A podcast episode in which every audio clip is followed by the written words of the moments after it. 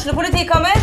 Ine Jansen er purk. Er du purk? The motherfucking bitch. Alt jeg vil, er å finne ut hva som skjedde med mannen min. Jon Carew. Er jeg sikta for noe? Iben Akeli. Det er du. Ole So, Lars Berrum og Big Daddy Karsten. Hvem sin side er du på, egentlig? Anette Hoff, Tone Danielsen, Kommer du fra Afrika? Jørnis Josef, Nesten. Kløfta. Trond Espen Seim, Det er synd å si det, men det var feil mann som døde. Purk. Premiere tirsdag på TV2 Play.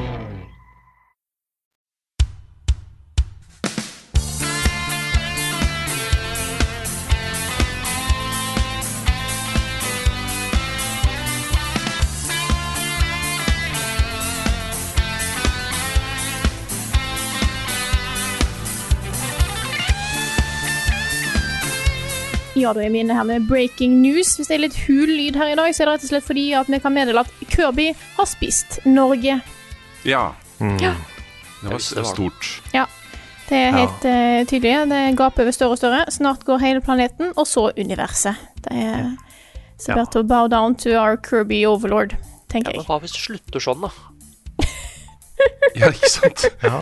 Men du vet når du har liksom en venn som sliter med noe, og som bare havner lenger og lenger nedi et eller annet drit, og så vet du ikke hva du skal gjøre. Det er litt sånn med Kirby nå. Jeg er litt sånn redd for at han skal revne. Ja, off. Det er noe et eller annet dypt fascinerende med de eh, scenene der, altså. Kirby som eh, bare Han spiser ikke biler, og så blir de borte. Men han har vel liksom bare hele kjeften tredd rundt hele den bilen. Ja. for det er det som fascinerer meg. For ellers har på en måte Kirby hatt en sånn utømmelig mage, og plutselig så har en liksom nådd eh, makspunkt for Mm. hva Kirby kan få i seg, eh, og da er bil. Det her er sånn typisk eksempel tenker jeg da på eh, sånn, en gæren idé som har bare dukka opp på gulvet på, hos Nintendo mens de har lagd dette her. En eller annen som har bare tenkt ha-ha, tenk da liksom bare se for deg Kirby rappa rundt en bil. Og så har de bare alle begynt å le av det, og så har det bare blitt en feature. Jeg har sett en- en del sånne greier også i Det var, Nintendo. det var en joke, og så er det en eller annen designer som bare sånn Men her er arten. Ja, ja, ja. Ja. De tenkte at de kan, men de har aldri stoppa og spurt om de burde. Ja, jeg, ja. jeg ser at de lo i fem sekunder, men så ble de dødsseriøse når de Ja. forsto. Men det er så, altså Kirby er secretly et horrorspill. Ja, ja, det tror jeg. Sånn Det er liksom Bobby ut som han hadde det gøy, da. Ja, jeg tror det. Ja, Men det- det- det er kun som har det er gøy. Jeg er ikke sikker på den bilen, altså. Nei. Det ser ut som han er litt i som- han, han har store smerter òg. Ja, kanskje Kirby bare prøver å liksom skjule smerten med smil og tomme blikk. Ja. Ja. Velkommen til, episoden, til en ny episode av podkasten Level Backup med meg. Frida Danmo. Med meg i dag har jeg, som dere sikkert har hørt, Karl Martin Hogsnes, Rune Fjell Olsen og Niklas Halvorsen. Hallo, folkens. Hello. Hello. Veldig tidlig på dagen. Ja, ekstra tidlig podkast-dag, for vi skal på kino etterpå og sånn. Hva er Vi det dere skal se, dra og se? på, vi skal se Oscar Bate. Ja. Oscar Bate. Ja. Der, vi, skal se, eh, vi skal se Drive My Car. Um, basert på Murakami-bok og greier, greier. Nominert til uh, opptil flere Oscar-priser. Dette er jo ditt prosjekt egentlig, Nick, men jeg er litt happy, da, fordi det er liksom ja, Det er lettere å dra meg sjøl ut på kino for å se liksom noe, noe Marvel eller noe uh, sanne greier, liksom, Ja. enn å se uh, mer sånn seriøse filmer, da. Uh, men uh, jeg skulle gjerne ha sett mer av de, så det er fint at du tar litt eh, tak og, og hjelper meg med det, Nick. ja, så er vi litt uh, kulturelle òg, ikke sant? Ja, sant? Fordi dette er jo den Oscar-filmen som ingen har sett. Så nå kan vi være noen av de som har sett den. Ja. Ja. Ja. Mm. Kona har sett den. Hun, da, hun sier at uh, hun gleder seg til å høre hvordan det var, fordi det er visst noen ganske heftige sexscener i den filmen. Det blir litt som å sitte og se på, på TV med uh, familien sin, og så plutselig så er folk nakne på skjermen, og ingen vet hva de skal gjøre. Det er the worst. Så vi skal rett og slett se ero erotisk film på kino. ja. Hun beskrev det nesten sånn. Wow. Jeg kan huske da eh, jeg satt og så eh, The Wolf of Wall Street, den nye ja. med familien. Den hadde jeg glemt hva inneholdt. Uh, Og der er det jo et par scener. er et par, par litt interessante scener. Nei, men jeg, jeg gleder meg veldig. Det blir kjempeålreit. Og den, du kan til og med ta med deg et glass vin inn i salen på den kinoen vi skal på. Så, Ha. Så det ble bra. Men uh, vi må plugge for siste gang. Yes. For siste gang, eh, nå på eh, søndag, eller egentlig natt til mandag, da, går fristen for eh, å søke på våre nye anmelderstillinger ut. De må være inne i innboksen vår innen eh, Rune er på jobb på mandag. Ja, Eh. det er meg. Innen inn jeg logger meg på, ikke Carl. Mm. Innen jeg logger meg på på morgenen, Ja, må du være inne. det er et par timer ekstra. Det er et par timer ekstra. Et par timer mindre, kanskje. et par, par Ja. timer mindre blir det. er vel Det er det å si. Så Mm. hvis dere har lyst til å søke, så husk å sende inn eh, før mandag morgen. Så gjerne, gjerne bare send inn på søndag, så det er helt eh, safe. Hvis dere ikke har fått med dere, så søker vi etter nye potetanmeldere. Ikke de som anmelder liksom de nye friesa til hoff og sånt, men altså eh, folk som anmelder stor eh, variasjon av spill, litt sånn som vi gjør. Vi vil ha nye sportsanmeldere, nye hardcore PC og tunge RPG-spillanmeldere. Og noen som er interessert i Early Access-spill. Og så er vi òg interessert i nye konsept. Så hvis dere har noen gode ideer eh, og tror dere kan gjennomføre det hos oss, så bare ta og sleng det med i søknaden. For eksempel Ja, alle- de nye friesa til hoff. Ja, det kan være Ja. Og potetbaserte survival-spill. Potetbasert Mm, mm, eh, hvis strømteknologi. Ja, ja. Hvis du er usikker, ta en kikk på eh, ut, eh, utlysningsvideoen. Den ligger på YouTube-kanalen vår. Så der er òg all info du skulle trenge. Og hvis det er noen spørsmål, så er det bare å sende en e-post til Rune. Ja. Eller så svarer vi hvis noen spør i, i kommentarfeltet også. Ja da. Vi prøver å passe på der.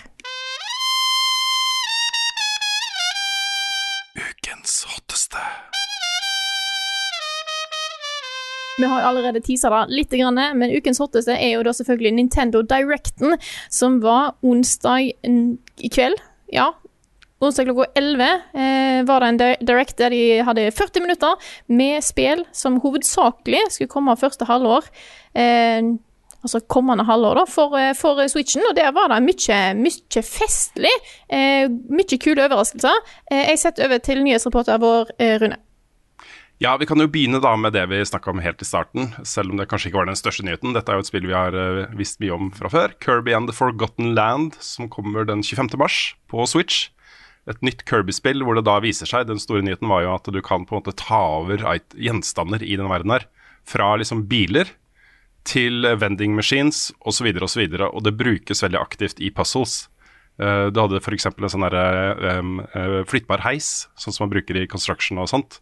Som du kunne bruke for å få tilgang til liksom, områder som var litt over deg, og, og den type ting. da. Det var, det, det var liksom veldig typisk Nintendo-grep, liksom. Et veldig sånn kul ting som jeg ikke har sett før og ikke tenkt på før, å bruke Kirby på den måten. Så jeg ble litt glad for å se det, altså. Eh, Jeg syns, eh, jeg syns det ga liksom eh, Kirby et ekstra lite løft inn mot mm. utgivelsen. Jeg syns at spillet ser, ser kjempebra ut. Det er flere, så er det litt vanskelig sorry, det, det er flere mulige sånne mørke twister de kan ta her. da. Så sånn, hvis, hvis Kirby spiser en stor ting som lever, så blir det en sånn hjerneparasitt som tar over, liksom, og som kan gå rundt med annen, en annen skapning. Ja. Oi. Ja. Delelse. Ja. Det er ellers litt vanskelig å velge toppsak, liksom. Også hva var den største og viktigste nyheten fra, fra Nintendos eh, Direct? Eh, Men det var jo noen ting som var litt eh, hottere enn andre, så i litt sann tilfeldig rekkefølge, da. de største tingene. Så har jeg nesten lyst til å begynne med, med Mario Kart 8 Deluxe. Ikke fordi altså, Det spillet har jo vært ute en stund. eh, selger som hakka møkk fortsatt. Og det hadde jo gått noen rykter om at kanskje det kom et Mario Kart 9. Og det gjør det jo sikkert en gang. Men nå kommer det da som delelse nye baner, og ikke bare én eller to, liksom. 48. 48 nye baner. Eh, nye versjoner av gamle baner, bare så det er sagt. Ja, også re remakes av gamle baner, alt dette her, da. Men de kommer da i packs på, var det seks? Seks baner per pack, pack, var det det? Åtte, ja. Og så kommer det Eh, seks packs. utover. Ja, det kosta uh, ca. 300 kroner for uh, hele greia, liksom. Så det er en slags sånn season pass da, med Mario Kart-baner. Mm. Men det er 48 baner også. Det er jo pinadø nesten liksom en del to av eh, Mario Kart 8. Ja, det, er en, det er en dobling av antall baner i spillet. Ja, det Det, er da blir det 96, 96 baner! Mm. Det, det er jo helt ekstremt. Det er nesten litt sånn derre Smash-grep de har gjort her. Nå Ja, trenger for- egentlig ikke å lage flere Mario Kart-spill. Nei, det er litt sånn, dette, dette blir liksom Mario Kart Ultimate. Ja. Med alle tidligere baner, nesten. da Vet ikke, fordi, fordi de fleste Mario Kart-spill har jo sånn 16 baner. Ja, Mm. så jeg tror nesten det begynner å nærme seg nesten alle baner. Ja, det kan ikke være langt unna. Men, men det, er, det er litt interessant dette her, da, fordi at eh, jeg tror nok dette her er et grep for å forlenge levetida til Mario Kart 8 Deluxe før Mario Kart 9 kommer. Så jeg tror Ja, dette her det er et tydelig tegn på at det er en stund til Mario Kart 9 kommer. Ja, det er jo to år med DLC, det her. Ja, det er jo faktisk det. Den første pakka på åtte baner kommer jo da 18. mars. Um, og som sagt, så hvis du bare kjøper den, så er det 30 dollar. Altså det vil jo da bli rundt 300 kroner. Uh, men hvis du har da det etterlengta, det som alle er fryktelig glad i, og som alle har uh, kasta seg over uh, med glede, uh, den derre Nintendo Switch Online pluss expansion pack, altså den tilleggstingen som gir deg tilgang til, til gamle Nintendo 64-spill og, og sånne ting. Eh, Der vil den være gratis, da. Hvis du allerede betaler for det abonnementet, så blir den gratis. så det er den andre, da, eh, sånn DLC-pakka som kommer der. I tillegg da til uh, Animal Crossing, som var uh, i fjor. De har jo uh, oppdatert Nintendo 64-emulatoren sin, i hvert fall. De så, den, det. ja, så det skal visstnok være bedre nå. Bare fra nevnte. Mindre input-lag og eh, mindre teksturproblemer. Ja. Og så en annen nyhet som, eh, som heller ikke er ny, men som eh, eh, skapte sånn derre bris av nostalgi og minne om såre ledd inn i alle som så på sine hjem. Nintendo Switch Sports. Nintendo Switch Sports. Denne her er litt obvious, altså, i og med at nå har du disse joyconene som er enda mer presise enn det Wii-moten var. Eh, og dette er jo, altså Wii Sports er jo en av tidenes aller uh, største spillsuksesser. Det er sånn alle som hadde en Wii, hadde også Wii Sports. Men det var jo vel fordi det fulgte med? Ja, i hvert fall her i Europa. Jeg husker ikke om det var over hele verden, men det var i hvert fall i store deler av verden så var det inkludert i spillet. Men det ble også spilt, og det ble spilt så mye at det knapt ble solgt andre spill til konsollen. Fordi folk hadde jo allerede et spill de spilte, ikke sant? Trong ikke mer. Trong bare bowling, egentlig. Ja. Men det var, det var en sånn greie det, når uh, We kom ut og liksom sikta seg mot alt fra liksom eldresentre til uh, familier, alt, på en måte. Og det funka. Så alle spilte jo We Sports. Ja, det er helt riktig. Det var en sånn farsott. Um, en sånn ekte, en genuin um, moteting, liksom. Som alle bare gjorde. Ja, det er en av de Jeg tror det er ett av to spill jeg har fått mamma til å spille de siste 30 åra. Der kan du se. Det kommer da den 29. april, um, med da volleyball som en helt ny sport. Um, inkluderer da også badminton og bowling og en del andre greier. da. Men dette her er, dette kommer til å bli ganske populært, altså. Det er jeg mer eller mindre helt sikker på. Tenk deg åtte spillere på én skjerm, liksom, i lokal coop og multiplayer. Fy fader, altså. Jeg er litt spent på prisen. Ja. Men ja, det er litt, uh, litt spennende akkurat den, altså. Men også De nevnte jo den der, der legstrappen som du bruker til, eh, til ringfit. Og det er smart å begynne å inkorporere den mer i andre spill. Fordi Men det, hvis du først skulle har- følge med spillet òg, står det. Ja, skulle det? Det skulle følge med den fysiske eh, versjonen av spillet. Ok, nice. Nei, fordi hvis de begynner å liksom lage andre spill eller expansions eller et eller annet til ringfit, der har de en mulighet, altså. Ja. I hvert fall i sånne typer spill som uh, da Switch Sports. Det er så opplagt, liksom. Og det, det er en ting som kunne bidratt til å få meg i form.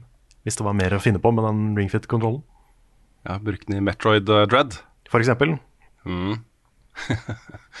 Nei, men all right. Vi uh, får også en uh, online-test, en nettverkstest, i gate med samme liksom, begrunnelse som Elden Ring Network-test fra i fjor. De skal teste hvordan dette er online, for det er jo full online-spilling her. Eh, det er eh, fra 18. til 20. februar, så det er jo rett rundt hjørnet. Og du må da være eh, abonnent av eh, Nintendo Online. Det er ikke da eh, den expansion-greia. det holder å bare være abonnent på Nintendo Online. Eh, Men du må være det den 18. Da det begynner, så må du være abonnent. Så vet du det. Og så begynner det å gå over mot øh, litt mer sånn nye ting som vi ikke hadde visst om på forhånd, og som, øh, som var øh, ganske fett. Eh, Xenoblade Chronicles 3 fikk avslutte directen. Det, hva, hva, hva tenker dere som, som kjenner det spillet godt fra før?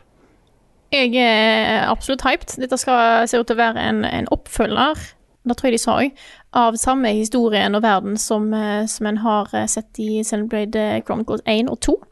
Så mm. det er kult. Det er, jeg er veldig spent på hvor de tar det videre. Eh, de er jo ganske forskjellige, de to spillene, sånn egentlig, men det er jo en, det er en sammenknytning der. Men jeg, altså, jeg liker veldig godt eh, den serien. Jeg syns combat-systemet er kult. Eh, det er veldig anime, så jeg er spent på om det blir mer eller mindre anime denne gangen. Ja. Ja. Men jeg, jeg syns det var litt sånn subtilt annerledes anime enn enn det var i to. Fordi ja, for det var da to- veldig in your face. Ja, da var det veldig sånn selvshada store pupper-anime. Mens Ja. her så er det litt mer sånn mørkt og gritty, ligner kanskje litt mer på eneren. Ja, jeg, òg syns det. Uh, så det er det, det virker som at de kanskje har litt mer den retningen. Eh, Traileren er jo på samme måte som alle sånne anime-spill er. Du har random eh, voice lines som de bare kaster sammen til å prøve å få det til å virke kult, men ingenting henger på greip. Nei, det Eh. er bare kule lines, Ja, sagt med kule stemmer. yes. Og så er det et shot av en sånn liten blob med morsomme klær på seg. Det er ikke, ikke gjør narr av dem. Nei, er de, er- er de bra? Nopon er veldig søte små dyr, som jeg fortsatt ikke skjønner hvorfor de ikke bare har lagd masse plushies av. Det eh, tenker jeg på hver gang jeg ser dem. Ja. De har sikkert gjort det, men de bare fins ikke online, kanskje. Kun i Japan. Mm. Nei, Og så kommer det et nytt Mario Strikers, eh, folkens. Jeg går videre. Ja, Mario. Mario Strikers uh, Battle League kommer den 10. juni. Fem mot fem kompetitive kamper Um, med både items og special moves. Det vil også være um, online ranking, altså uh, ranked matches og uh, klubber og klaner og, og sånne ting. Og så vil du kunne bruke gear da, til å endre um, stats på, på de forskjellige Mario eh, og Nintendo-figurene. Det var sånn, Noen gikk litt i fistel da dette kom, som Ja. har god kjennskap til strikers fra før. Strikers er et fantastisk spill. Det er så fantastisk herlig Nintendo-vri på en sport, der de kombinerer fotball med galskap eh, og ingen regler. Eh, sånn at du fer rundt og bare med, med disse kjente Mario-karakterene, og plutselig så får du til et eller annet sånn fancy shot der en eller annen karakter Du får en cutscene, liksom. Hopper opp med ballen. Ballen tar fyr, eh, gjerne. Og så har du noe sånn close up eh, artsy eh, For de er veldig kule artsy på spillet. Eh, shot av karakterene, og så blir den måka inn i mål. Eh, så det er veldig sånn flashy eh, og fullstendig, fullstendig galskap. Helt nydelig. Jeg husker jo originalen og også 3DS-versjonen som kom, som også var, eh, var bra. Eh, Dette er, så, så ut til å skru opp volumet enda litt mer. Altså. Jeg syns det her så kjempebra ut. Det kan bli en eh, litt sånn dark horse i år. Veldig gøy å spille sammen med andre. Det, er, det blir skikkelig, skikkelig festlig. Så jeg gleder meg til å se om dette er like gøy. Og så skal det gå et, et, et, eh, lite um, eh, liten bølge av eh, nostalgi og glede og eh, sitrende eh, intern spenning gjennom vår redaksjon igjen, når jeg sier ordene Kronokross. Oh my god. Kronokross, The Radical Dreamers Edition. Den kommer Ja. til Switch den 7. april. Det er flere ting her som er kult. Ja, Det ene er jo det at Chrono har jo aldri kommet til Europa før. Ever. Dette er oppfølgeren til Krono Tiger, et av de, mest, eh, et av de høyst elska eh, japanske rollespillene noen gang. Eh, men av en eller annen grunn så ga de aldri ut Kronecross-oppfølgeren i Europa. Jeg har venta på den på PlayStation eh, 1 og 2 og 3 og 4 og 5. Aldri fått, men nå kommer den da på Switch. ja. Og dette er jo et spill som eh, ikke er like populært som det det første er, men det har en del kule elementer i seg, veldig mange gode kvaliteter. Nydelig soundtrack, et av de beste spillsoundtracksene noen gang. Så uh, dette, er en, dette er en klassiker som er verdt å opp, oppleve, altså.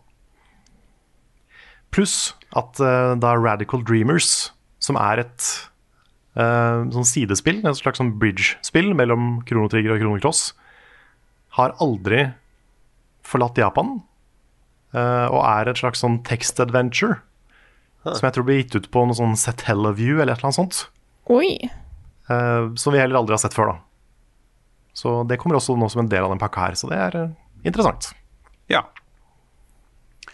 Jeg raser videre til eh, flere eh, kule nyheter. Og det her syns jeg var litt morsomt, fordi uh, Directen åpna jo Men liksom ah, Det er Fire Emblem! Det, det er Fire Emblem med Three Houses! Oh, Warriors, ja. Warriors. Også et nytt Warriors-spill, Fire Emblem Warriors. Uh, Three Hopes, som kommer da uh, 24. juni. Um, tanker, Nick? Nei, altså. Det var mange følelser, ikke sant. Eh, Ja, du gikk gjennom alle følelsene du i løpet av den Ja. traileren. ja, det var liksom Åh? Åh. Uh, nei, og så var det uh, Jeg likte jo det første Warriors da, veldig godt. For de hadde, det hadde Fire Emblem-elementer i seg, liksom. Da hadde Weapon Triangle. Men jeg veit liksom ikke for, for et rart For, for et rar sånn setting å gjøre det med, for disse folka er jo uvenner, ikke sant? Nå skal de slåss med hverandre òg. Ja. Hva er det som foregår her? Nei da, det var egentlig bare at det, det pleier ikke å ta så lang tid mellom hvert Fire Emblem-spill, så da tenkte jeg at nå er det på tide at det kommer noe nytt. Mm. Eh, så det forrige var gøy, dette blir sikkert gøy, det òg. Men det var ikke helt det jeg håpa på, da. Nei. Jeg innser nå at jeg tror ikke vi har nevnt at vi streama dette her. Um, det kanskje høres litt rart ut at uh, jeg vet hvordan Nick reagerte på, på dette, men det var jo fordi vi satt og streama dette her. det var veldig hyggelig. Det var uh, seint på kvelden og masse folk innom uh, i chatten og sånt, så det var ordentlig hyggelig å se den directen sammen med alle, alle sammen. Det var det. det, var det. Absolutt. Um, ja, det kommer en uh, gratis oppdatering til Metro Jed. Den skal være ute nå. Som, uh, som adda to ting i hver sin ende av skalaen. Det ene var Dread Mode, Nei. som er en sånn no hit mode. Og så blir du treffet én gang av en prosjektil eller et slag eller et eller annet, så er det game over. Wow. Holy shit, altså. Nei. nei, jeg Nei. også eh, melder pass på den, altså. Ja, nei. Ja, står over den. Men jeg har lyst til å se noen gjøre det. Jeg har lyst til å se Nick gjøre det. Det hadde vært fett, da. Jeg, jeg, Ja. tviler. Jeg tviler på at det går. Jeg ville ikke gjort det som første playthrough, Nick. Nei.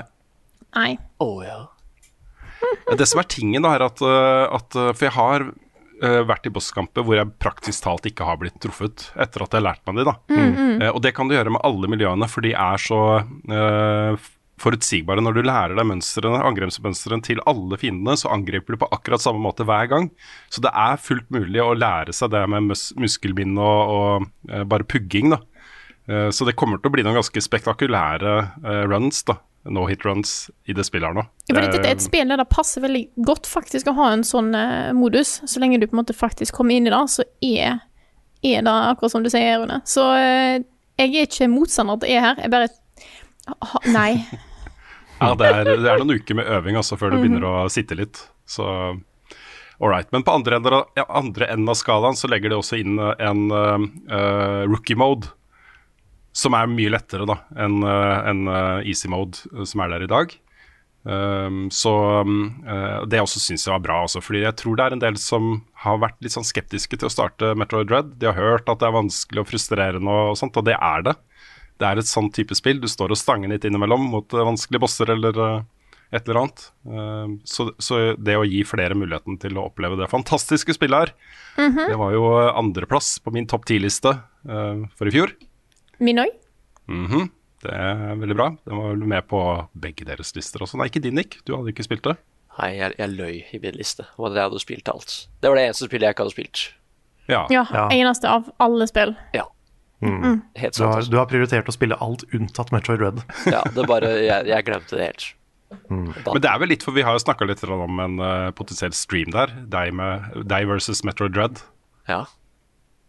ja. Hadde det blitt en kul stream? Ja, det tror jeg. Det hadde blitt en kjempestream. Um, det kommer også en ny uh, mode i april som da legger til uh, Boss Rush. Boss Rush. Bare bosser. Det er også litt kult. Det er kule bosser i det spillet. Earthbound og Earthbound Beginnings um, er ute nå på Nintendo Switch Online uh, for Nintendo Switch, Switch Online-abonnenter. Det stemmer. Ikke Mother 3 igjen. Dette er jo da eh, den evige krigen som Earthbound-fans har hatt med Nintendo. Hvor de har nekta å gi ut Mother 3 utafor Japan. Og eh, hvis du lurer på hva Mother 3 er for noe, så er det da Earthbound 2, på en måte. Fordi Mother 1 var da Earthbound Zero. Mother 2 er Earthbound, og Mother 3 er jo da hva enn de hadde valgt å kalle det tredje Earthbound. Mother. Mother. Kanskje bare heter Mother. Ja. Mother 1. Men, eh, men ja. Nei, dette er jo klassikerspill. Earthbound er en av mine favorittspill. Syns det er en eh, et, bare fantastisk spillopplevelse fra nesten da, fra start til slutt. Det, har jo, det bærer jo litt preg av å være fra 1995 eller noe sånt. Men det er et veldig veldig, veldig kult spill som gjør en del kule story-ting, som Undertale blant annet bygde videre på. Så eh, hvis ikke du har sjekka ut Earthbound før, så kan det være verdt å ta en titt. Så håper jeg at den dagen Gameboy Advance kommer på Switch, så kommer også Mother 3 til slutt. Ja. ja. Nå øh, tenker jeg å rase litt øh, kjapt gjennom resten av nyhetene. Selv om det er noen ting her som folk har lyst til å snakke mye om, så får vi prøve å begrense det litt. grann. Det hvis du ikke er interessert i Nintendo i det hele tatt, så blir det en lang intro på podkasten dette her. Mye å spole. Men uh, jeg kjører litt fort gjennom. Dere får lov til å stoppe meg med en setning eller to, Uh, men så går jeg videre. Ok. Ok? Alle har forstått reglene? Yes. Ja, Ehm, vi fikk se mer fra Advance Wars 1 og 2 Reboot Camp, som kommer 8. april. Ehm, kjapp, eh, kjapp kommentar, Nick. veldig bra. Du har forstått det. Eh, veldig stor overraskelse. No Man's Sky kommer til Switch eh, til eh, sommeren. Det er liksom litt vanskelig å se for seg den der giganten inne på Switch, men den kommer, og det tror jeg blir bra for mange. Er det plass til hele det universet på Switch?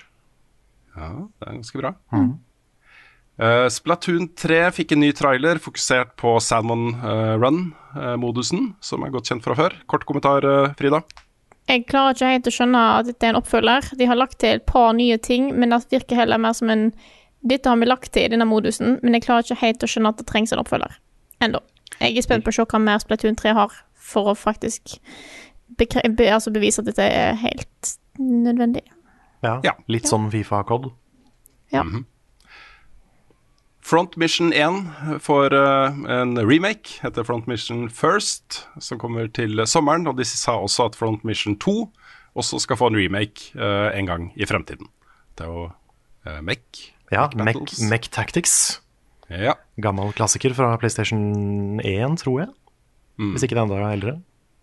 Det neste spillet vi fikk se, var et spill vi egentlig burde ha snakka litt mer om, men det er et spill vi garantert kommer tilbake til. Eh, Det er et eh, Mario Kart-lignende racingspill, Kart, Kart Racer, som heter Disney Speedstorm. Free to play, cross-platform, Disney og Pixar-figurer med online-moduser. Dette er rett inn i Fortnite og Roblox og uh, Slime Rancher-demografien dette her. Jeg tror, jeg tror dette kan bli veldig populært, blant, uh, særlig blant unge, unge spillere. Um, det kommer en Switch-port av Wii-versjonen av Star Wars The Force Unleashed den 20. april. Uh, Assassin's Creed The Etsy Collection kommer uh, allerede nå 17. februar. Uh, det var et rykte på forhånd, uh, viste seg å stemme. Inkluderer HD Rumble og touchscreen-kontroller. Og er jo da de tre Assassin's Creed 2-spillene som, som kommer ut der i en pakke. Mer Mex. SD Gundam Battle Alliance kommer til Switch eh, i løpet av året. Um, MLB The Show 22 um, uh, er jo ute, men ble vist fram her. Og grunnen, grunnen til at dette er like gøy, er at det er jo så, et Sony-spill som er ute både på, eh, på Xbox og på eh, Switch nå, da. Så det er litt morsomt, uh, syns jeg. Uh, skal vi se. Eh, Kingdom Hearts Integrum Masterpiece uh, Edition, som uh, kommer da i cloud form, fikk en, en, ny trailer. Um, Carl sa bare ikke 'ikke spill det på Switch'. Så Nei, spill det hvor som helst uh, utenom Switch, egentlig. Fordi de spillene der kan du ikke spille på cloud, altså. Det, der må du ha litt bedre kontroll. du kan spille med cloud. Det kan du gjøre. Det kan du gjøre. Cloud er med i hvert fall ganske mange av de. Ja. Klonoa 1 og 2 er jo en sånn derre 3D action uh, adventure-plattform-serie som, som kanskje var litt i skyggen av andre store, populære 3D uh, action-plattformer uh, fra back in the day, men har noen fans. De kommer nå i en, en litt sånn remastered versjoner til Switch den 8. juli. Store ører. Ok, en annen kjempekul ting da, som jeg blir glad hver gang jeg ser. Uh, eh, bilder fra disse spillene her. Portal 1 og 2, altså Portal Companion Collection, kommer da til eh, Switch eh, i løpet av året. Det er da Portal 1 og 2.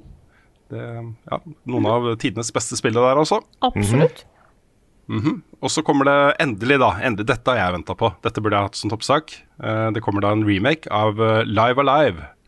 Og det er ikke, jeg, ikke en eh, jeg, jeg sier ikke feil. Det er ikke Live Alive eller Live Alive, men det er Live Alive. Det er Live Alive. Live Alive. Jeg har funnet ut litt info om dette her. Ja, for jeg også har skjønt at dette er en litt big deal. Dette er visst en litt big deal.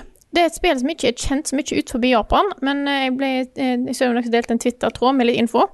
Eh, altså, hvis jeg bare tar for å name-droppe litt ting her, da. Musikken er lagd av Yoko Shimomura. Det er jo Kingdom Hearts-damen! Det er Kingdom Hearts, Street Fighter 2, Super Mario RPG and many more. Eh, og directoren er Takashi Tokita, som lagde Final Fantasy 6 og Kronotrigger. Ha. Så eh, Det er noe der. det er Ja. noe her, altså. Det er, det, jeg tror dette her er en litt big deal.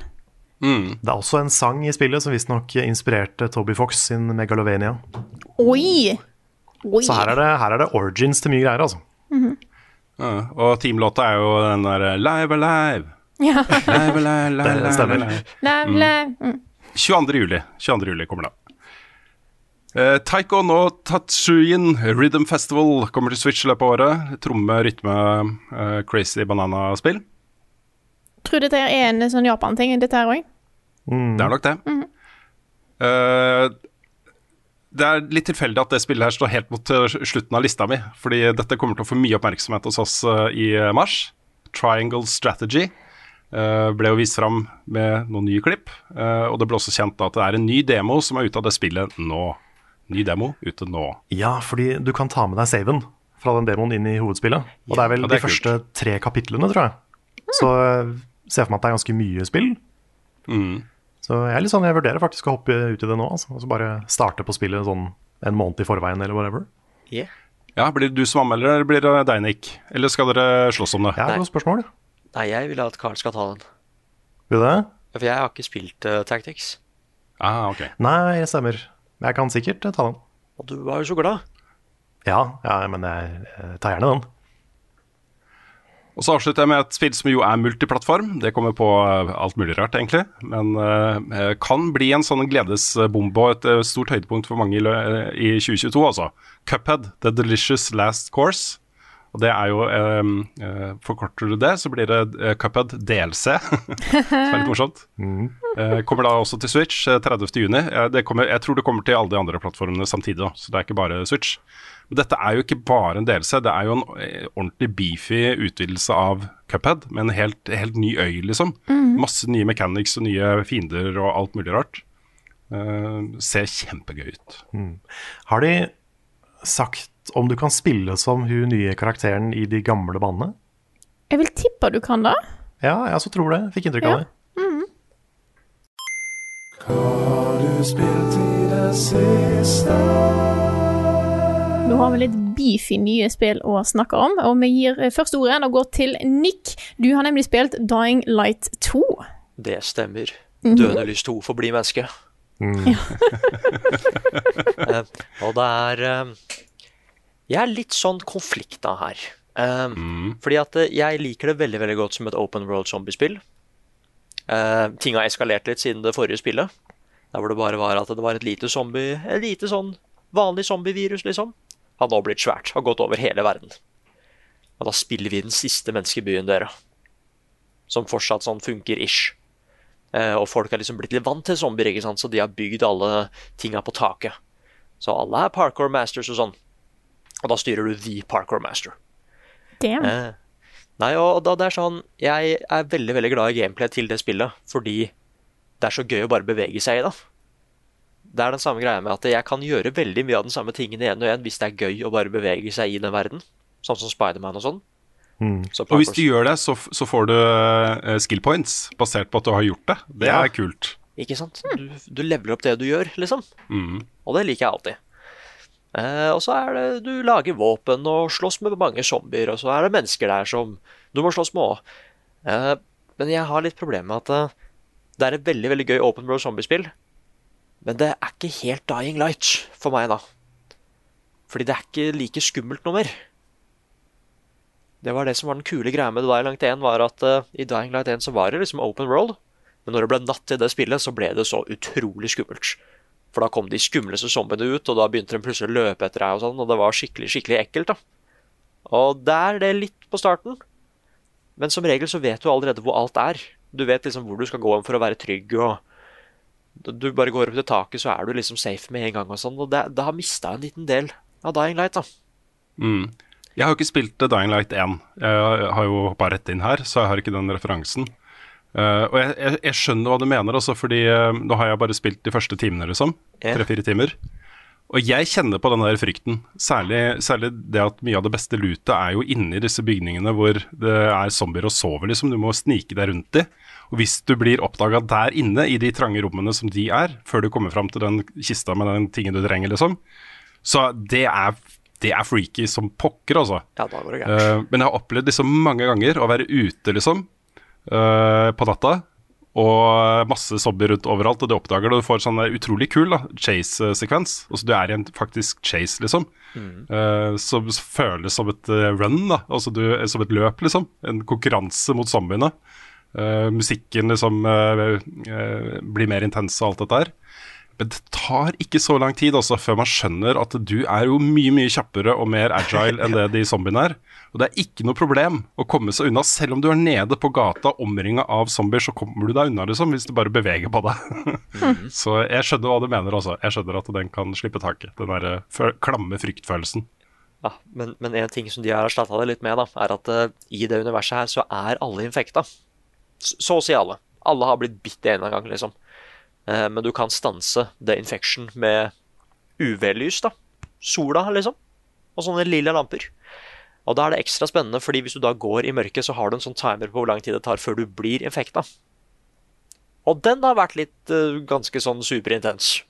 For igjen, det beste luta er jo om natta. Så plutselig så har du bare ett minutt på deg til å faktisk finne det du skal i et sykehus eller et eller annet sånt, for å så komme deg ut igjen. Det, det, også er sånn, det, også blir sånn veldig støtta opp under uh, bruk av musikk og lyd, og hvordan uh, skjermen endrer seg og, og, sånt når det nærmer deg null. ikke sant? Mm. Det er utrolig sånn her, det tidspresset og den, den, spenningen rundt det er ganske kult, altså. Ja, pluss at du glemmer tida òg, ikke sant. Fordi det ja. står jo alltid så bare ja, åtte minutter, dette skal gå fint. Og så ja. innser du liksom i en veldig hektisk situasjon at du har bare tre sekunder for å faktisk gjøre det her. Mm. Og da blir det kult. Mens jeg skal ikke si, snakke så mye om det, men nå er jeg sånn stereotypisk nikk igjen når det kommer til historiespill, da. Denne her er så rotete, dere. Åh, Den er så rotete! Det skjer så mye rart. Og det er vel ofte da jeg spør bare er det virkelig umulig, det du sier. Nei, jeg tror ikke det. altså. Vi kunne tatt en prat med noen folk her, kanskje. Mm. Nei, eh, nå er jeg ikke helt ferdig med historien, så kanskje det tar seg opp noe veldig. Men akkurat nå så er jeg litt sånn lunken på historien. Men det var jo ikke den beste delen av Dying Light 1. Eller, det skal jeg jo si. Men gameplay-delen mm. føler jeg fortsatt er der. Ja, for jeg, jeg må jo si at uh, uh, jeg, jeg, har hatt en veldig positiv opplevelse med Dying Light 2. Uh, det er nok litt fordi jeg ikke hadde forventa at jeg skulle synes det var så gøy og så spennende og så morsomt å holde på med de tingene som man, som man gjør. da. Um, jeg, jeg, likte at det var primært på en måte et parkour-spill. Jeg syns det var en sånn kul um, kul vri da, på, på uh, zombie survival-sjangeren, uh, på en måte. Mm. Hvor, uh, hvor, bare det å traversere disse bygningene og finne den beste ruten uten å måtte gå på Og så roleplay, da, at det faktisk er farlig på gata, for du må jo nesten gjøre det litt. um, så, så, jeg har hatt det veldig gøy med det spillet og gleder meg til å fortsette med det. Det spørs når jeg får tid til å gjøre det, da, med alle de andre greiene som kommer. Ja, Men um, jeg ble positivt overraska sjøl, altså. Ja, så igjen, bare Jeg visste at gameplay skulle bli bra. Men de har virkelig liksom bare gjort det så mye bedre her. Så mye mer fluid og sånn. Mm. Så jeg, jeg, er spent på å se om historien tar seg opp. Det er Mirror's Edge med zombie, liksom. Det er litt kult. Ja, Og jeg blir ikke kvalmere, liksom. Nei, ja, det har jeg hørt andre bli, da. Jeg har hørt andre bli det. Så bare warning, Frida. Jeg har hørt folk bli kvalme av det spillet der. Ja, nei, det, jeg har ikke noen kjempestor plan om å spille da, uh, ennå. Nei. nei. Men godt å vite. Har du noe sånn cirka ETA på anmeldelse, Nick? Det vet jeg folk kommer til å spørre om. Uh, jeg, jeg holdt på å si Det hadde jo vært gøy å den, den, blir jo ferdig neste uke. Jeg vet bare ikke helt nøyaktig når. Nei. Uh, jeg, jeg, føler at jeg må gjøre bitte litt mer etter historien. Mm. Skjønner. Har, kommer du til å spille det 500 timer? Ja. Må bli ferdig, si. Jeg skal skikkelig anmeldelse. Nei, ikke 500 timer, men jeg har lyst til å gjøre noen ting der. Fordi noen av sidequestene er kjempebra. Mm. Og så har jeg lyst til å finne alle easter eggsa. Jeg har forstått allerede nå, da, etter eh, den korte spilletida mi, at eh, disse inhibitors-greiene, det, eh, det er viktig. Ja. Det er, Det er jo de som gir deg f.eks. mer stamina. Um, sånn at du kan klatre mer og være mer parkoury. Og med liva. Mm. Og de er jo gjerne da gjemt inne på et sykehus hvor det er eh, hundrevis av zombier. Ja, de er alltid skikkelig dårlig plassert, ass. Det er bare Veldig. farer ut hele tida. Mm. Nei, jeg elsker Jeg har- i det spillet. Det jeg har lyst til å gjøre, Nick, Ja. eh, er å ta en eh, session hvor du, da, som OP Nick, kommer inn i mitt spill og hjelper meg med å hente inhibitors. Ja. For eksempel, bare som en quest. da, Der questen vår er å bare samle så mange som mulig av de, liksom. Ja men det er, Er det en eh, deal, eller? Ja, vi, ja, men jeg har lyst på en sånn coop-greie. Mm. Så det får vi til. Det eneste grunnen til at jeg kjøpte det og begynte å spille, var fordi jeg har lyst til å spille coop med deg. Så Åh. det må vi få til. Yeah. Kan ikke du komme inn som en sånn der shirtless muskelbunt og bare liksom Ja. ordne opp for Rune? Ja, men jeg kan. Jeg er jo det i det spillet nå. Ja. Så det kan jeg Kan jeg også få legge til en, eh, en uh, ting? Du Ja. kan få si mer om det hvis du vil, Nick, men jeg har bare lyst til å nevne den intro-questen som Ja. er i det spillet. Fordi det var uh, også det, det er ikke noe sånn revolusjonerende nytt grep de gjør, men det at du ikke er i byen fra starten av, at du på en måte er på vei dit. Du er ute i ødemarka, og det er en helt, helt annen fil og helt annen type opplevelse enn det du møter i byen. da. Men jeg syns den der følelsen av å liksom spillet starte med at du går gjennom et landskap hvor det tidligere bodde mennesker, og hvor det var sivilisasjon, og folk bodde i disse flotte husene med den fantastiske utsikten, og de hadde fester, og det var liksom Det var et eh, liv her, og en verden som eksisterte her, som ikke finnes lenger. Eh, litt den samme følelsen som du får gjennom hele The Last of Us, egentlig, men eh, satt opp da mot det du opplever inne i byen. Hvor det er et samfunn og det er en struktur og alle disse tingene. Syns jeg det var et bra grep, altså. Det fikk meg ordentlig inn i det spillet med en gang, liksom. Det var veldig kult. Mm. Yes. eh, Er det noe mer du har spilt, Nick? Hvis ikke, så kan vi gå videre til Rune. Nei, jeg har faktisk bare spilt Døende lys. Ja. Ja. Den, den er grei. Rune, da gir jeg ordet til deg. Ja, det er litt spennende dette her, altså, fordi eh, for, for meg så må jeg innrømme at liksom februar Jeg vet liksom Jeg har forstått at Dying Light 2 er ettertrakta, at folk gleder seg og, og sånt. Og, og jeg har liksom hørt at uh, Eller trodd at Sifu kom til å bli kult og sånt, men det er uh, Destiny 2, The Witch Queen, Horizon og Elden Ring har liksom vært de tre store for meg i februar. Og så har jeg jo spilt Horizon. Jeg, har, jeg ble ferdig med det forrige helg. Så jeg fikk plutselig en hel uke da, før sperrefristen på anmeldelser, som er da på mandag, til å bare teste litt andre ting. Så jeg har jo spilt både da Dying Light eh, 2, og så satte jeg meg ned med Sifu. Det kommer jo på eh, mandag på PlayStation, hvis du forhåndskjøpte det, og da på tirsdag normalt da på PC og PlayStation. Og bare Oh my god, det spillet der også! Jeg fikk liksom umiddelbart den derre Hades-greia. og så den følelsen av liksom umiddelbar progresjon, og at dette er fett, liksom. Dette er fett, fett, fett, fett. fett. I tillegg til at jeg så at det var en del av de der Rogalight-progresjonselementene som minte meg veldig om Returnal. Og det er liksom blanda da med beat em up kung fu. Det føles som du spiller en kung fu actionfilm her, liksom. Ordentlig litt sånn trope-aktig. Uh, starter jo med at uh, faren din blir drept, liksom. Uh, du ser det fra et lite sånn skap eh, gjennom sprekkene. Og så er det da en, en gjeng, da. En gjeng som er bossen i det spillet her, ikke sant. Eh, det spillet er helt sikker på, Hvis ikke det taper seg voldsomt utover, så havner det sjukt høyt på min toppliste for 2022. Garantert, altså. Jeg er så glad i det spillet, og jeg er blitt så forelska i det. Um, utrolig kult. Og her er det sånn progresjonssystem hvor, um, hvor du kan dø, da. Men hvis du dør, så, så blir du eldre. Um, ett eller to år, litt avhengig av, eh, av uh, hvor mange fiender som har vært rundt av den type ting. Om det er en miniboss eller om det er en boss og, og sånt. Eh, så du starter jo som eh, jeg tror det er 18, 18 eller 20. Eh, ja, 20 tror jeg det er. Første året er liksom 20. Eh, og så kan det jo bli liksom 69 eh, år. Jeg tror du kan bli litt eldre enn det også, før du dør, da. Og da er det jo starter du på nytt, men ikke helt på nytt. Hvis du har f.eks. cleara det første brettet, så kan du starte da på brett nummer to.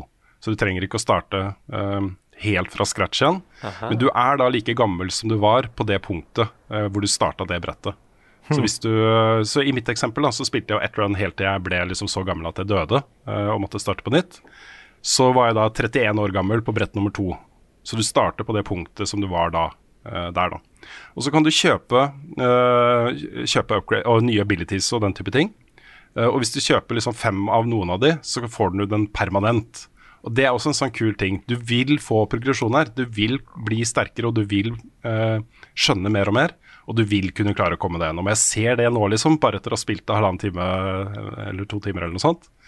Jeg, jeg ser at dette kommer jeg meg gjennom, liksom. Og det er så gøy. Det er så deilig å vite at, at progresjonen er av en sånn art at uansett om det ikke er så god, da, så vil du på et eller annet tidspunkt klare å komme deg gjennom. Det her må dere spille, altså. Ja, det er bare så fett. Det det. skal spilles. Det skal spilles. Beklager, det blir Svendsen som anmelder det for oss. Så jeg er utrolig spent på hva han uh, syns om det også. Og dette er jo veldig Svendsen-spill, da. Ja, ja, Som jeg elsker rogelights og, og det der filmatiske greia. Så da kan de gjøre så mye morsomt ut av det. Så Han kommer til å like det spillet. Mm. Og ellers så må jeg bare nevne også kjapt at jeg driver jo litt sånn der Destiny 2 Witch Queen prepping. Gjør litt bounties og forbereder meg for en XB-boost av en annen dimensjon når eh, Witch Queen eh, kommer. Um, har jeg også egentlig Jeg mangler bare en sånn småting på tre forskjellige titles uh, i dette spillet. Og titles er jo noe du um, uh, kan få da hvis du gjør liksom en del spesifikke ting uh, i, i et raid eller en dungeon eller en sesong eller hva det skal være. Og et godt eksempel da, på hvor lite FOMO jeg har i det spillet her nå, kontra hvordan jeg hadde det før. Det er greit altså, om ikke jeg får gjort det før uh, sesongen, nysesongen kommer. Så eh, det, det, går, det går greit, men jeg vet jo samtidig at de er der, og at eh, bare jeg spiller en halvtime, liksom, så, så har jeg de titlene. Så er ikke halvtime, da, men per tittel, kanskje. Så en time eller to kan det få det. Men øh, øh, grunnen til at jeg vil nevne det, er jo ikke det. Grunnen til at jeg vil nevne det, er at jeg har jo laget en podkast sammen med Sebastian Brynstad i nerdelandslaget, som også er, eh, var i hvert fall, en ihuga Destiny-spiller. Hvor vi snakker litt om The Witch Queen og hvordan man kommer seg inn i det. Og litt sånn guide da, for folk som eh, både eh, ikke har vært innom Destiny på lenge, eh, og som kanskje da aldri har spilt Destiny før. Um, hvordan kommer man seg inn i det der svære greiene her. Så vi snakker i nesten 1 time og 20 minutter om, eh, om det. Eh, og den er ute nå. Den er ute på, i vanlig podkast-streamen vår, eh, også på, på YouTube. Så check a look. Supert. Det, da tar jeg bare over kjapt litt her. Jeg sitter jo og venter på litt koder. Det gir vi jo egentlig alle. Men da å plutselig få litt tid gjorde at jeg endelig fikk ferdig topplista mi. Ja. Nice. Det ble sweet. Det Det ble veldig veldig sweet. Takk, takk. Nei, så jeg er veldig fornøyd med å få den ut. Så ta, se gjennom den hvis ikke du har sett den. Eh, og nå er jo alle fire, alle våre topplister er jo ute nå. Syns vi var tidlig ute i år. Jeg syns vi har vært flinke. Ja, det var vi. Ingen i mars. Nei. Og det er litt sånn som ble påpekt også, det er, vi, har, vi, har ikke samme, vi har ikke samme spill på toppen, noen av oss. Nei. Ikke engang samme som i podcasten for noen uker siden. Der hvor vi Nei, det er helt sant. I fellesskap, Mm. Ja. i fellesskap så kommer vi fram til en helt annen eh, på toppen. Tenk hvis det samme skjer i år. At ting, eh, ting endrer seg. Plutselig får en spilt litt mer. Eller så er det liksom Til å finne en felles en er jo noe annet enn hva en har personlig. sant? Så. Mm. Yes. Nei, men eh, så jeg har jo òg nå begynt å spille litt Pokémon. Koser meg veldig med å springe rundt der og kaste baller. Kaste kniver, kaste gafler, kaste alle pokéballene. Hva Ja. syns du så langt? Nei, Jeg Så langt så koser jeg meg. Eh, og jeg er veldig spent på hva som skjer videre. Eh, hvordan eh, på en måte føles å spille litt over lengre tid. Om det holder seg, holder seg gøy. Ja, apropos det. Så jeg kan jo også plugge, plugge min video. Jeg har anmeldt spillet nå. Ligger på Ja. kanalen vår. Um, en lang anmeldelse av Legends Arceus slash Arceus. Veldig fin anmeldelse. Den var, den var, den var kos å se, altså. Takk for det. Det var, det var kos å lage òg. Det var litt sånn gøy å sette sammen. Ja. Det er litt sånn, Noen spill er morsommere å snakke om enn andre, på en måte. Og det var litt så sånn gøy kommer å det så, ta tak i et uh, Pokémon-spill som var såpass annerledes. ja, så kommer det så godt fra den der, eh, det forholdet du har hatt i Pokémon. Og det har, det har jo kommet fram også tidligere, uh, ting du har både snakka om og anmeldt uh, av Pokémon-spill. Men det er, den derre lettelsen Ja, over at dette var bra ja for det, det var jeg ikke sikker på. Det er, man kan jo gå tilbake i podcaster fra tidligere og høre hvor bekymra vi var for det spillet her. Som at det, det her kan jo gå rett i dass. Det ser jo ikke så pent ut, og det, det er mye som tyder på at det kanskje ikke blir så bra. Men jeg kan jo nå meddele at jeg har sett alle Pokémon, fanga alle Pokémon, fått research level 10 på alle Pokémon, Shit. gjort alle sidequests og fått siste stjerna i liksom rank. Og nå er jeg Oh, ferdig. Nå er jeg ferdig med spillet. Bra jobba. Men eh, det var da over 80 timer på saven min Wow. før jeg var ferdig. Og det, det sier jo litt om hvor gøy jeg faktisk syns det spillet her var. Mm. Og det hadde jeg ikke trodd. Det er veldig sjelden jeg er så completionist i Pokémon-spill. Det har jeg vel nesten aldri vært. Jeg fikk full Pokédex i Let's Go Eevee og Pokémon Sword etter en stund. Men å liksom bare, for, bare kaste meg over alt i et Pokémon-spill på den måten her, har jeg aldri gjort før. Så eh, den nye oppskriften fungerer, altså. I hvert fall for meg. Denne er jo kjempebra. Ukens anbefaling. Dagens anbefaling er en TV-serieanbefaling som kommer fra Carl og Nick. Det stemmer. Skal jeg begynne, Nick, eller vil du? Nei, du kan begynne, du. Det er da en serie på HBO Max, eh, som det så fint heter nå, som heter Peacemaker. Og dette er jo han samme karakteren fra, som fra James Gunn sin Suicide Squad-film, den nye. Han er jo en skikkelig sånn dick, eh, spesielt i den filmen. Og han er for så vidt det her også, men han har noen flere lag når han, får, når han har sin egen serie. Redeeming qualities. Ja, noen, på en måte. Og, og så er han så herlig dum. så dette er jo da John Sina eh, som spiller hovedrollen. Og jeg er så imponert over han som skuespiller. Ja, for han er flink. Han er dritflink.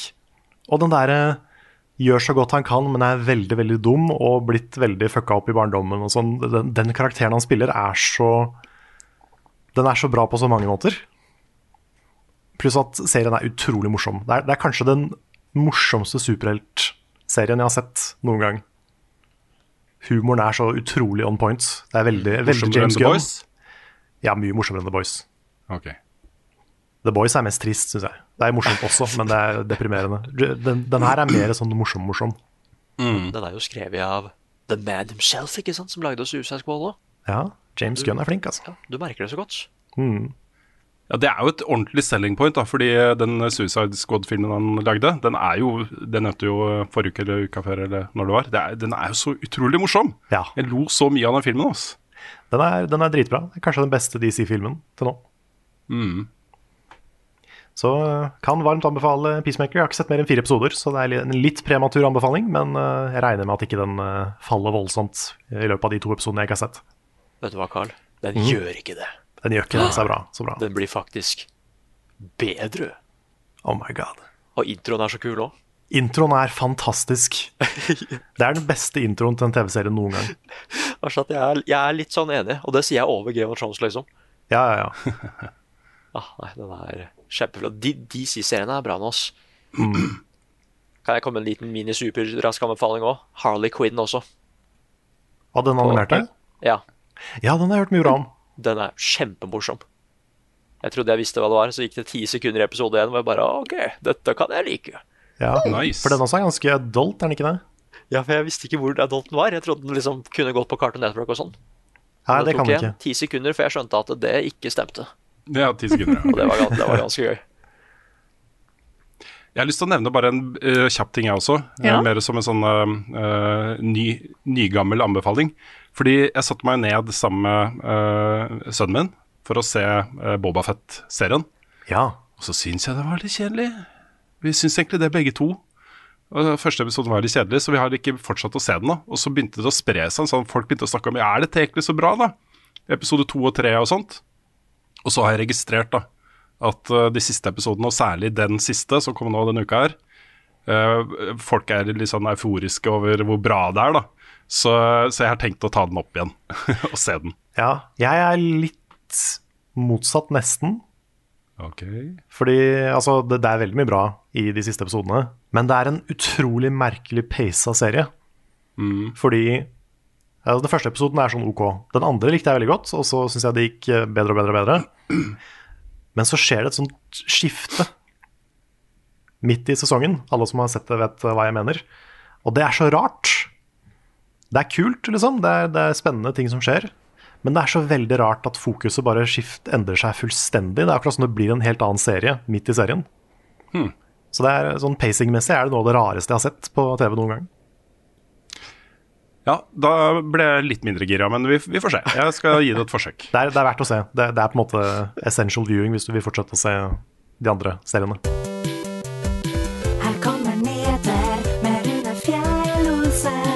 Og han har ikke hår. Det hadde vært mye sykdom i samfunnet gjennom vinteren. Både korona og eh, influensa og forkjølelse og sånne ting. Og nå har det kommet en ny feber som sprer seg utover eh, PC-skjermer over hele verden, nemlig Lost Ark-feberen. Ja. Dette, dette er jo et uh, sørkoreansk MMO som har eh, hatt stor suksess i Asia uh, i et par år, og som nå da for første gang kommet til Vesten takket være Amazon Game Studios. Og nå har jo da Amazon faktisk hatt to av de aller største PC-suksessene fra nyere tid.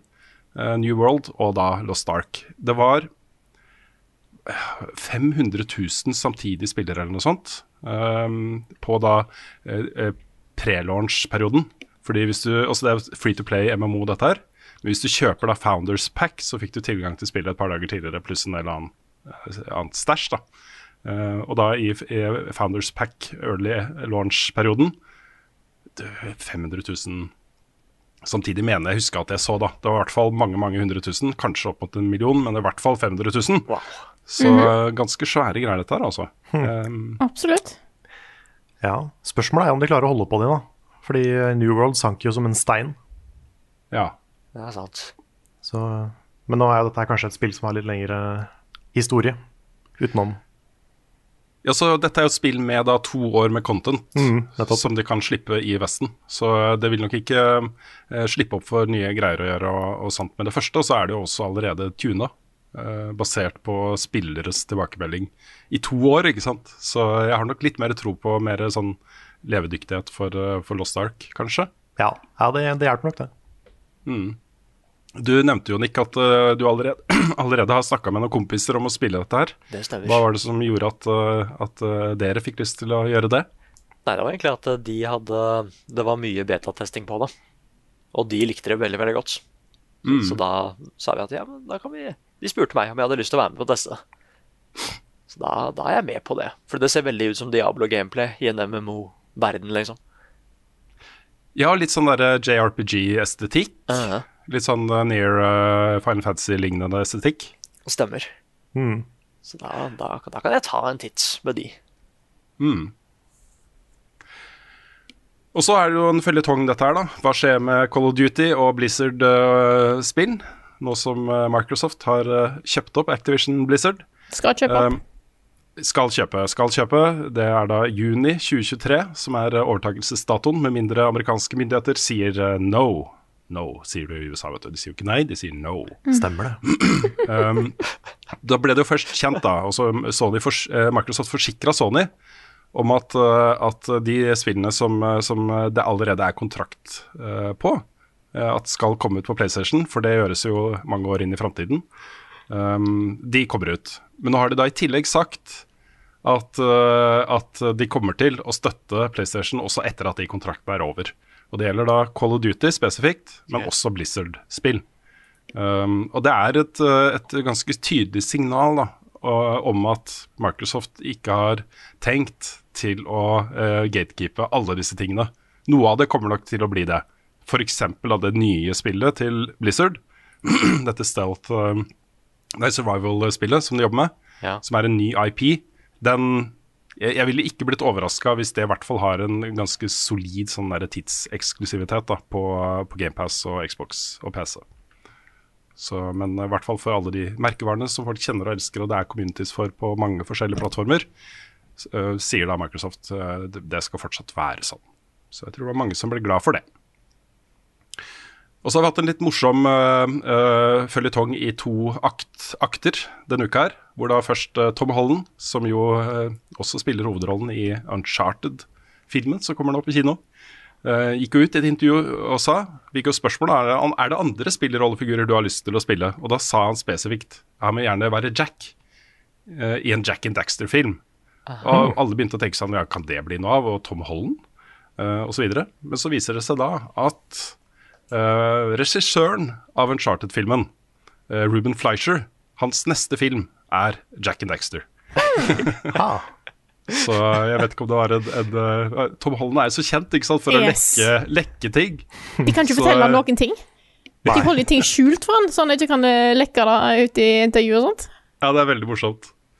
Uh, men spørsmålet Det ene spørsmålet jeg satt igjen med da, er Hvor lurt er dette for Tom Hollands karriere? Å først spille liksom eh, Uncharted, uh, Nathan Drake, og så Jack i en annen film basert på et spill? Ja, sånn, ja. Er det mm? Jeg tror Han har nok allerede blitt litt typecasta som en sånn, skal man si, young adult-helt med Spiderman, men, men det blir du liksom automatisk når du er Spiderman, føler jeg. Sammen med Tobey Maguire og, og sånn. Han har liksom Ja. alltid, han har alltid vært Spiderman. For meg. Ja, det er litt sant. Ja, det er så interessant, for det, det skal han Andrew Garfield ha. Han ser jeg ikke som Peter Parker i andre filmer, liksom. Nei, han, for han er kanskje den som har spilt i mest annet. Ja. Ja, Nå er han jo Oscar-nominert for beste mannlige hovedrolle for uh, TikTok Boom også. Ja, Mm. det, Det er det eh, var fint. ganske kult. Åh, vi må se 'Verdens verste menneske', altså. Den har jeg ikke sett ennå. Ja, Jeg her. så den tidligere uka, så jeg har jo den, eh, den uh, kunstneriske filmuka her nå. Ja. Så jeg så Ja. 'Verdens verste menneske' på mandag, var det vel? Tirsdag? mandag, tirsdag. Hvor var det du kunne se den, sa du? Ja, det kan du kjøpe på Apple TV. Uh, Ja, det var sånn eller der. på andre sånne kjøp filmen og last, og så stream det, liksom. Stemmer. Den, den var bra, altså! Ja, Ja, for det, jeg må jo se en norsk Oscar-film. Ja, jeg tenker på dette. Så jeg tenker på det samme, jeg òg. Ja, det er ordentlig kvalitet og sånn forfriskende. Også det er så åpenbart norsk, da, og særlig Oslo. Også det er jo, Oslo er så, altså dette er jo Oslo-trilogien til uh, von Trier.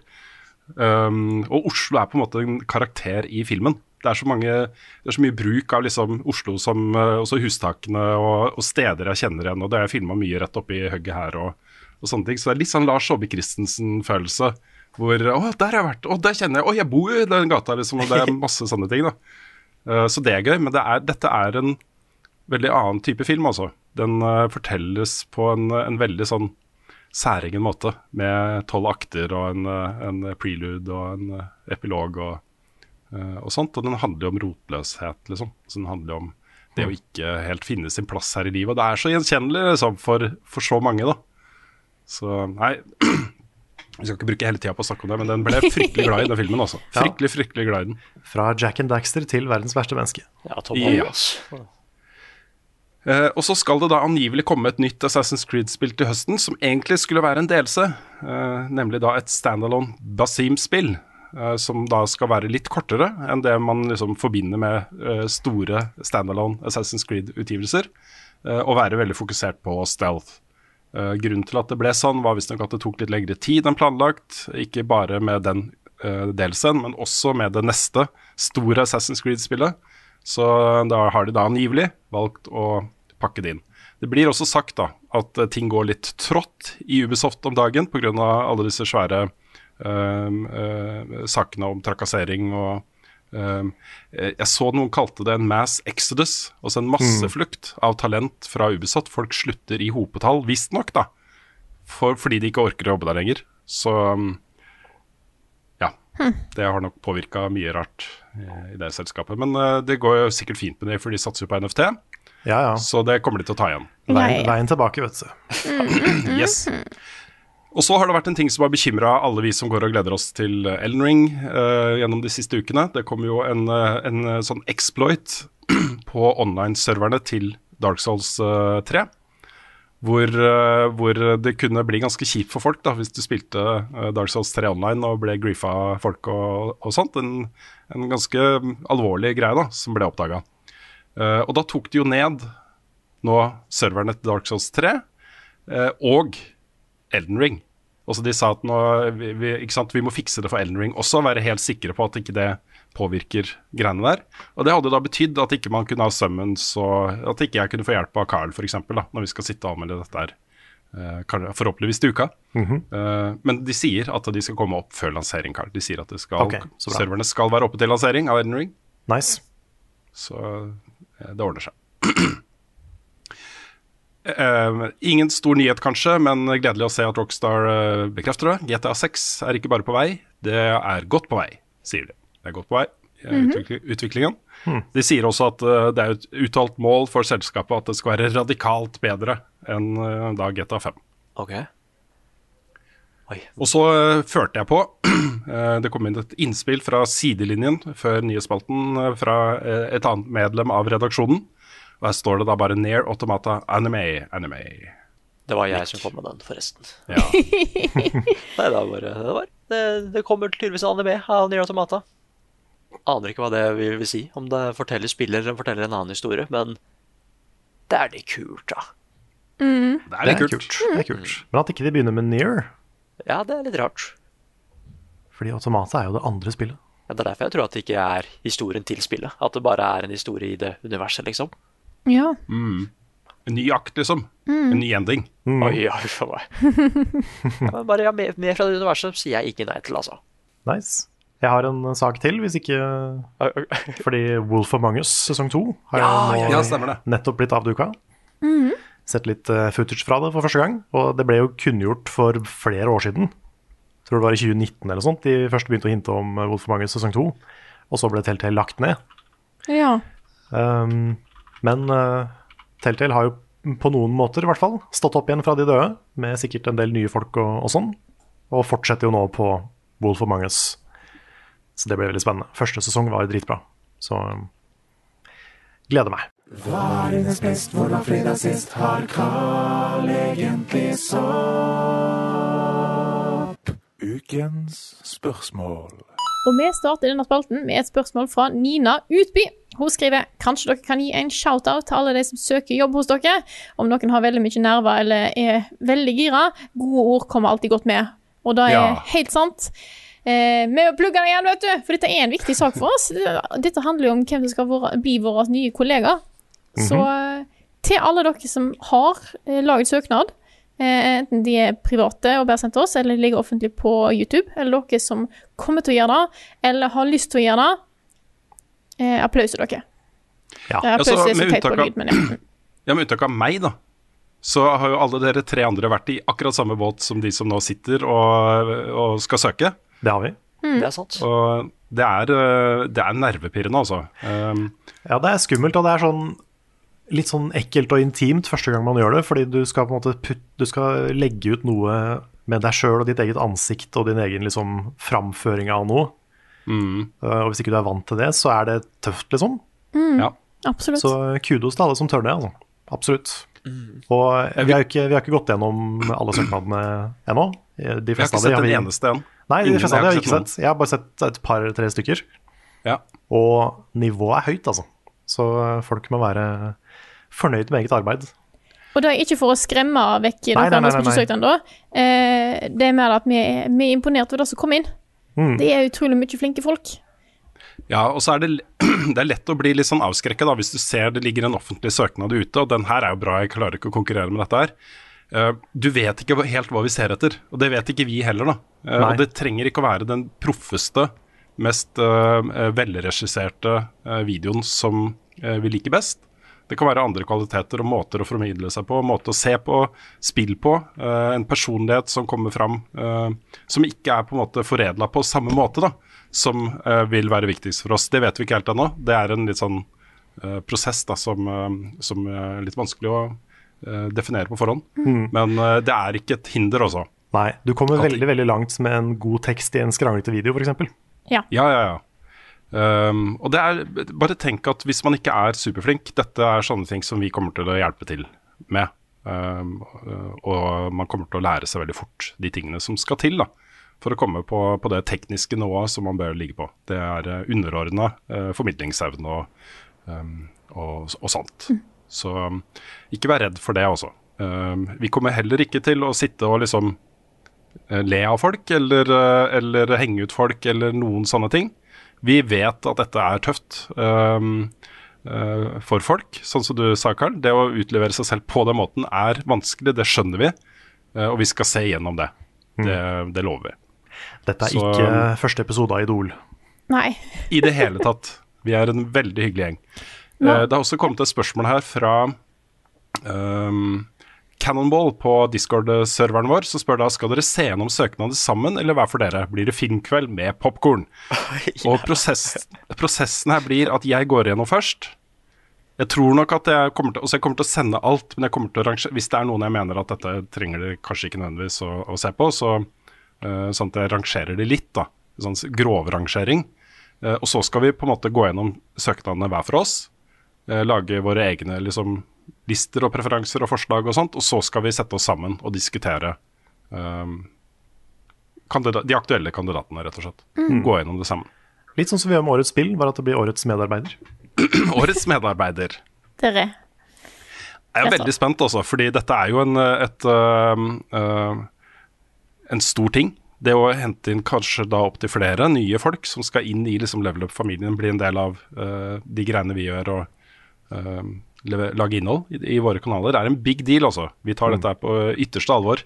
Så, så, så det er både spennende og litt skummelt, må jeg si. Mm. True. Gleder meg veldig til å gå gjennom de søknadene. Det kommer til å bli kjempegøy. Helt enig. Eh, jeg kan ta et eh, spørsmål til her angående søknadsprosessen. Ja. Dette er fra Jørgen Tveit Smådal. Han skriver Hei, hvis noen velger å anmelde et spill dere har anmeldt tidligere, og man velger å ta store deler av deres anmeldelse i sin egen, merker dere det? Eller ser dere gjennom deres egen anmeldelse for å finne likheter? Eh, og jeg vet at det, det kan være vanskelig for mange å ta opp opptak. Eh, det er ikke alle som har opptaksbokser og sånt. Eh, men, eh, men please ikke bare ta våre anmeldelser. Nei, ikke gjør det. Altså, uansett hva det gjelder, så er jo liksom Hvis man nærmer seg på noen som helst måte plagiat, det er jo aldri OK. Nei. Og da er det jo liksom eh, Vi er åpne for alt. Og så, du trenger ikke engang footage fra spillet du anmelder. Du kan eh, dramatisere det med legofigurer. Eller uh, eller eh, eh, hånddokker. Hva som helst, liksom. Eh, I verste fall, da. Eh, og ikke minst så kan du jo bare last, laste ned trailere. Og til og med, liksom, Uh, uh, Let's Plays fra andre, liksom. Uh, som du finner på YouTube, og klippe det sammen. Eh, det, dette er jo ikke noe som skal vises offentlig. Så, um, så der, det, det skal ikke være så vanskelig å finne klipp også, som du kan bruke til, til, til å lage en søknadsvideo. Sant. Og OBS er gratis. Det er også Ja. opptaksmulighetene på PlayStation og Xbox. Det er sant. Nettopp. Så det- så det håper folk fort i noe der. Ja, det, er, det er interessant, fordi jeg lurer på liksom hvor lang tid du må tilbake før jeg ikke hadde visst at det var min video. Eller mitt manus. Liksom. sant. Eh, Men du kan si at vi har jo sittet såpass mye og glana på våre egne videoer i klippeprosessen.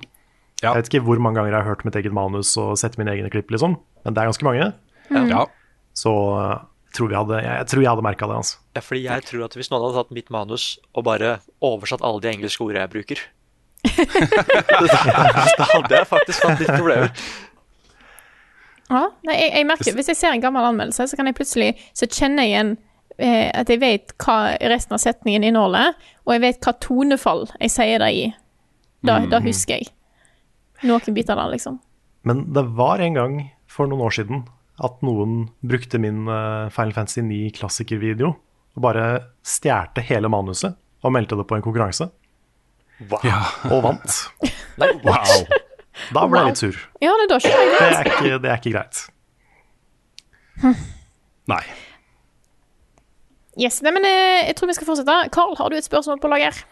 Det har jeg. Skal vi se. Jeg har, fått, eh, jeg har blitt rent ned faktisk denne uka her av meldinger på diverse kanaler om at eh, Kjempe-Yes er tilbake i butikken. Så kan ta f.eks. spørsmålet til Martin Rotmo her. Gleder du deg til Kjempe-Yes kommer tilbake, Carl? Jeg er litt imponert over at folk husker dette her. Fordi jeg tror det er sånn Minecraft-episode for ti år siden eller sånt, at jeg snakka om at eh, Kjempe-Yes var den gamle favorittisen min. Ja, men du snakker Wow. om noe annet når du er med oss. Nei, det er bare det jeg snakker om. Bare Kjempe-Yes hele Ja, ja. tida. Hver eneste episode av podkasten er bare Kjempe-Yes. Ja. Ja, Nei, men det, det har vært eh, min favorittis i nesten alle år. Og nå er den tilbake, altså. Men nå utgitt av Diplomis, for det var egentlig en Henny Olsen-is. Og dette er jo litt interessant. Det er plutselig litt bytting av merkevare her. Jeg trodde ikke det var lov. Nei? Jeg trodde disse her var bitre fiender og sånn, jeg. Men, eh, men der kan du se, altså. Det er litt sånn Sony Microsoft-situasjon. Så nå, nå er da isen tilbake. Jeg har ikke, jeg har ikke prøvd den ennå, men jeg tror den er å finne i butikken allerede. Så jeg skal, skal nok ut og hamstre kjempe-yes så fort Åh. jeg finner den. Eller som Nick kaller den, kjempe-yay! Kjempe-yay, ja. Det hadde vært sånn minus. Karl, nei, Karl sier Rune, neste, neste spørsmål? Ja. Um, et fra Christian eh, Francis Kvande som spør uh, Når dere skal ha nye anmeldere, vil dere også dekke mer VR-innhold? Eventuelt er det noe dere selv vil ha mer uh, fokus på? Og VR er jo et hull for, for oss. Vi burde ha dekt VR mer. Og den eneste grunnen til at ikke vi gjør det, er at vi har hjemmekontor, vil jeg si. da, Fordi uh, det å ha et VR-kit stående klar til testing, det er mye kabler og gear og stæsj som skal være ute, og du må ha liksom sensorer og en base og osv. osv. Så, videre. så Så det er mest et praktisk spørsmål, kombinert da med at det er litt langt mellom de titlene som jeg mener det er liksom veldig greit å anmelde da, innenfor VR. Altså ting som nærmer seg på en måte eh, spill som kulturuttrykk eh, fra andre ting vi kjenner til, eh, og som ikke er bare VR. Men det at vi ikke har anmeldt Half-Life Alex f.eks., er jo en skam. Så, så vi har et ønske om å anmelde med VR. Men jeg tenker at når vi kommer opp i de nye kontorene, så er det en ting vi skal prioritere så fort som mulig. da, Å ha et VR-kit liggende der som vi kan bruke til å teste VR. Og Ikke minst så må jeg si, da, dette er jo kommer sikkert fanboy-beskyldningene haglende, men eh, det at eh, PlayStation VR 2 til PlayStation 5 kommer med sånn plug and play-funksjonalitet. Én kabel fra det der kit, det headsetet inn i, i PlayStation 5, og så bare funker det. Det har litt å si, altså. Um, da er det lettere å bare ha den i en skuff, ta den ut når du skal bruke den, koble til den kabelen, og så bare spille det, liksom. Istedenfor å OK, du må inn eh, på PC-en din, du må åpne et eh, VR-grensesnitt for eh, greiene, du må navigere rundt i det. Det er kanskje to-tre kabler, eh, masse basestasjoner som må opp, og alt det der, da. Eh, litt enklere når du bare kobler den til maskinen, og så funker det. Så, Det er sant. Det hadde ikke gjort noe hvis du fikk tak i en Valve-indeks heller. Nei. Nei, det er jo en Valve Index på eh, Eldorado som jeg har spilt den der på. Og det er liksom, der har du et eget rom da, som Mm. er dedikert til det. eh, og den henger fra taket, du kan liksom bare ta den på deg. Det er også pl- det er plug and play-funksjonalitet. Så hvis vi hadde fått til noe sant Ja, Hvis vi hadde fått fått et tomt rom som du kan gå rundt Ja. i Men da må du sette av et rom til det. da Det er det som er problemet. Ja. Ja, det tror jeg ikke vi har. Nei. Jeg tror, jeg tror ikke vi får lov til å gjøre om et av de møterommene som er i nye kontorlokalene, til et VR-rom. Nei, det, det spørs, det, altså. Mm. Men kanskje hvis alle sammen tar med seg piknikstoler inn til møtet, Ja. ja. så trenger det ikke å være noen møbler på møterommet. Ja, Eller så kan vi ha liksom VR-kit til alle, og så kan vi ha møter i virtuell space. Ja, sånn er det. Meta, vet du. Sånn Metaverse. met Metaverse-møter. Ja, Åh, Av alle fester jeg er glad jeg ikke var invitert på. ja ikke sant. Nei, men eh, Nick. Men apropos, Ja, da, jeg har lyst til å bare ta et spørsmål, for nå er vi inne på nye kontoret. Yes, gjerne. Eh, Det er fra Kasper Romarheim som lurer på eh, da. Gleder meg til å se det nye kontoret. Uh, håper det blir lagt ut en liten tour-video. Blir det plass til en liten sofakrok og etere-streams og lignende. Ja. Dette er jo Vi skal filme masse uh, gjennom den prosessen her. Uh, når vi flytter inn, da, eh, da Den dagen kommer det til å komme mye innhold fra oss. Eh, og det er mye som gjenstår nå. Vi har hatt eh, eh, gjennomgang av rommet med Hugo, som vi også kjenner fra Eldorado, og som kan masse om scenerigg og sånne ting. Og snakke om hvor skal vi ha lamper, hva slags lamper skal vi ha, hva skal vi lyssette, hva skal være på den veggen, hva slags backdrop skal vi ha, skal vi ha en sånn rullegardin med forskjellige typer backdrops, osv. osv. videre Og så snakker vi med en annen part om eh, PC-er og det behovet, liksom. Kontorpulter og streamingutstyr og lamper og mikrofoner og tastaturer og alle disse tingene. Men dette tar jo litt tid. Dette er jo, Vi har et ganske saftig budsjett, men eh, vi har såpass store behov da, at jo mer vi kan få av rabatter og uh, sånne ting, jo bedre er det. Jo kulere utstyr kan vi få. Jeg må det si er at klart eh, jeg at så langt har vi fått opp en vegg. En vegg, ja. En Ja. glassvegg. En glassvegg Mm. så du kan se inn i kontoret på. Yes. Nei, så, så det, det, det kommer det til å komme mye innhold fra. Men det er jo litt sånn Tanken bak å ha et eget rom på den måten er jo at det er så mye lettere å bare ta opp et kamera og begynne å filme. Når vi er der samla, liksom. Eh, det kan være bitte små ideer som er en gag som er over på tre sekunder, liksom. Så filmer vi det, ikke sant. Uh, eller hvis, uh, hvis det kommer en ny Første traileren fra Grand Theft Auto 6. Den kan vi ha ute sammen med live commentary, nesten, ikke sant. Eh, så, um, så det kommer til å komme mye sånn, den type innhold fra, fra dette rommet. Det kan jeg garantere. Og Den- streams. Livestreams. Livestreams. Det neste nå, kostymelager. Kostymelager! Yes. Litt sånn som eh, Karl Johan. Ja, med, ja, sånn. med Ja, ja, ja, og sånt. Mhm. Som bare triller rundt på sånn derre kostymelager. ja, det er sånn skulle vi hatt, vet Ja. Jeg har snart en hel søppelpose full av sånne der ting jeg har kjøpt på standard. Mm. Så det er fint å ha et sted å lagre det òg. Altså. Ja. Nei, men da, Nick, da kan du ta ditt spørsmål. Vi er veldig raske, vi skal på kino. Gosh darn it. Eh, Det er eh, fra Elias Ho Hoholm Johansen. Spør om hva som er våre favorittfilmsoundtracks. Eller topp tre filmsoundtracks, men jeg kan heller si at det er noen soundtracks vi liker veldig godt. Trenger ikke å er være, men jeg vet, ikke om, jeg vet ikke om jeg har noen favoritt. Altså. ja, trenger, jeg trenger ikke å være favoritt, bare er det en du liker veldig godt, som du kan anbefale nå. liksom. Altså Min favoritt-film-soundtrack-komponist er jo Hans Zimmer. Mm. Det er liksom ne nesten uansett da hvilken film. Bare ta, Legg alle de filmene han har lagd soundtracket til, og så plukk opp en, og så er det en, en favoritt, liksom. Men det jeg har likt best av hans soundtrack, er Dunkerque. Og det er litt fordi uh, det er den derre Og det, kommer jeg på nå. Det er litt den følelsen jeg får når jeg spiller Sifu. Den der alltid tilstedeværende soundtracket som er mye bare en bit, liksom. Trommer, det, det bygger opp til noe, og så intensiveres det liksom på nøkkelhendelser og den type ting. da. Og i Dunkerque så er den derre trommegreia, liksom, den beaten, den derre bassen som går liksom, er det hele tiden! Absolutt hele tiden! Og den derre stemningen som det skaper da i den filmen, er bare helt magisk, altså. Yeah. Det er, Hans Zimmer står jo for veldig, veldig mange eh, soundtrack i veldig rar Altså ordentlig spennvidde. Eh, jeg syns jo at f.eks. for eksempel eh, soundtrack han har lagd til The Holiday, den romantiske komedien, er fantastisk bra. Mm. Eh, men jeg, jeg vil òg slå, slå et slag for, eh, for eh, Ringenes herre-soundtrack, altså. Ja, Ja, det er epic. det er jo kanskje riktig svar, Ringenes herre-soundtracket. Men uh, veldig, veldig mye av uh, Hans Zimmer og John Williams for meg. Ja. Det er jo liksom klassikerne som uh, Supermann og Forest Gump og Yeah. liksom alle de. Um, hva heter den derre drugs-filmen som er så kjent uh, theme? Og ja, Requiem for a Dream. Requiem for a Dream Ja, shit. har, en, er et veldig bra main theme. Og ja, Pirates of Caribbean-filmene har jo fantastisk musikk. Ja.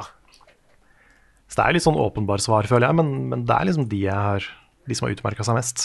Og som jeg gir en shout-out til uh, Goofy Movie-soundtracket. Fordi, fordi Powerline, god damn, ass.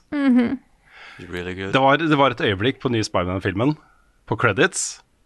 Jeg kan ikke si hvilken låt det er, uh, men det kommer en låt der som er fra et av mine all time favorittalbum, og som passer så sjukt godt, og som er en spoiler for filmen.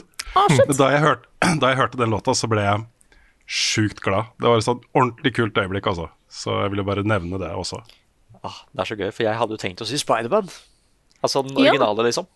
Eller egentlig Spiderman 1, 2 og litt av treeren. Av Danny Elfman. Det er også en grunn til at jeg er så glad i den, fordi jeg syns disse Marvel-filmene mangler litt sånne skikkelig minneverdige soundtracks. Ja, det gjør det. Det er sant. Jeg syns de starta bra med det, men så har det dette litt ut. Mm. Men det derre main team til uh, Spiderman-spill også, det første til uh, Insomniac, ja.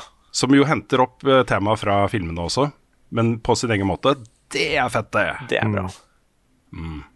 Og så vil jeg òg trekke fram eh, en av eh, eh, komponistene i mange Pixar-filmer. Han er Michael Giacchino.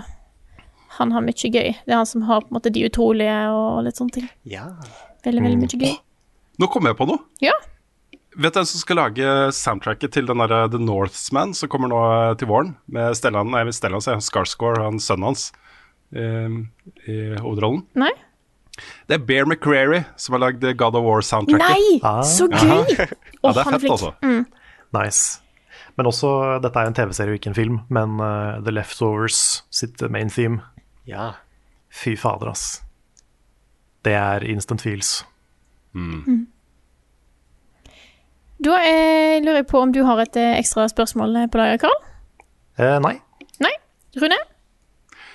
Eh, fra Christer Horne. Eh, hva tenker dere om en egen spalte med TV-serier? Eh, sånn apropos det vi akkurat snakka om.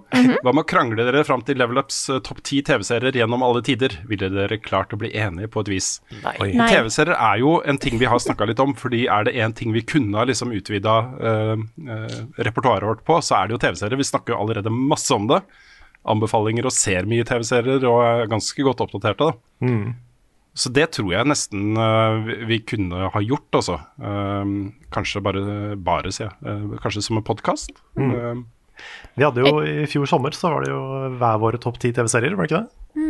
stemmer det? Så hvis vi skulle prøvd å lage liksom en felles liste Det er noen vi hadde klart å bli enige om. Ja, for det er noen jeg liksom, har, redaksjonsfavoritter. Jeg kommer på tre Ja. eh, som jeg tror ville vært der. Det er The Leftovers. Eh, det er eh, Twin Peaks. Og hvis vi tar med anime, så er nok òg Neon Genesis Evangelion der. Det er det jeg kommer på, som jeg Oh, vet yes. at flere av oss er glad i. Jeg Tror vi skulle klart å få inn Ted Lasso der òg. ja. Ja, men her, nå kunne vi sitte her i en time, da. Ja. Fordi eh, det, det er 100 andre TV-serier jeg vil ha foran Leftovers, men nå har jeg bare sett uh, fire episoder av den Ja, serien. var derfor du, jeg en du, må, du må tenkte se. Da må du se. Der jeg på en måte fant overlapp av i hvert fall tre av oss. Ja, Ja. nettopp. nettopp, nettopp. Ja, for Leftovers er jeg på toppen av min, liksom. Ja, men jeg, jeg, jeg, jeg har mer tro på individuelle lister her også, fordi det, er, jeg, det, det bør være altfor mange hjertebarn Ja. som må kuttes fra Ja. en felles topp top 10, liksom. Da måtte det vært topp 30. Ja, 100. Topp 40, Topp og så er det bare alle våre. Ja. Topp Ja. 10. Yes. Oh, Level Up kårer topp 100 TV-serier. Det er en video. Oi. Mm. Det, det, ja. Oh, nei, men jeg tror vi tar en runde av dere, jeg. Dette er podkasten Level Backup, utgitt av moderne media. Låten i introen og outroen er skrevet av Ole Sønnik Larsen og arrangert og framført av Kursju Orkestra. Vignettene er laget av fantastiske Martin Herfjord.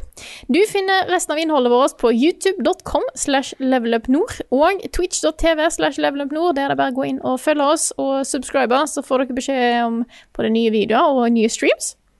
Og bli gjerne med på discorden vår, discord.gg slash levelupnorge. Der er det veldig, veldig god stemning. Vi har òg Oh, yes. en, eh, en eh, merch-shop. Levelupnorge.myspreadshop.no. Og støtt oss gjerne på patreon.com slash levelupnorge om du har lyst til å eh, støtte oss og bidra til at vi kan fortsette og gi, gi dere masse kult innhold fra vårt nye kontor.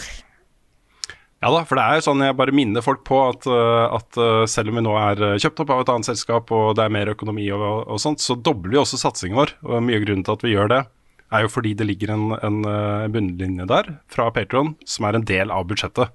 Så bare folk er klar over det. Vi, uh, uten de pengene så får vi ikke til de tingene som, uh, som vi har tenkt å gjøre da, uh, de neste to årene. Mm. Når vi sier kjøpt opp, så mener vi da halv, halvveis kjøpt opp, ikke Halvveis helt. kjøpt opp, det stemmer. Det stemmer. Yes. Så med det så sier jeg husk søknadsfrist hos oss eh, natt til 14. februar. Det er jo òg natt til eh, Valentines, når jeg tenker meg om. Husk, husk morsdag på søndag. Og så Ja. snakkes vi igjen neste uke.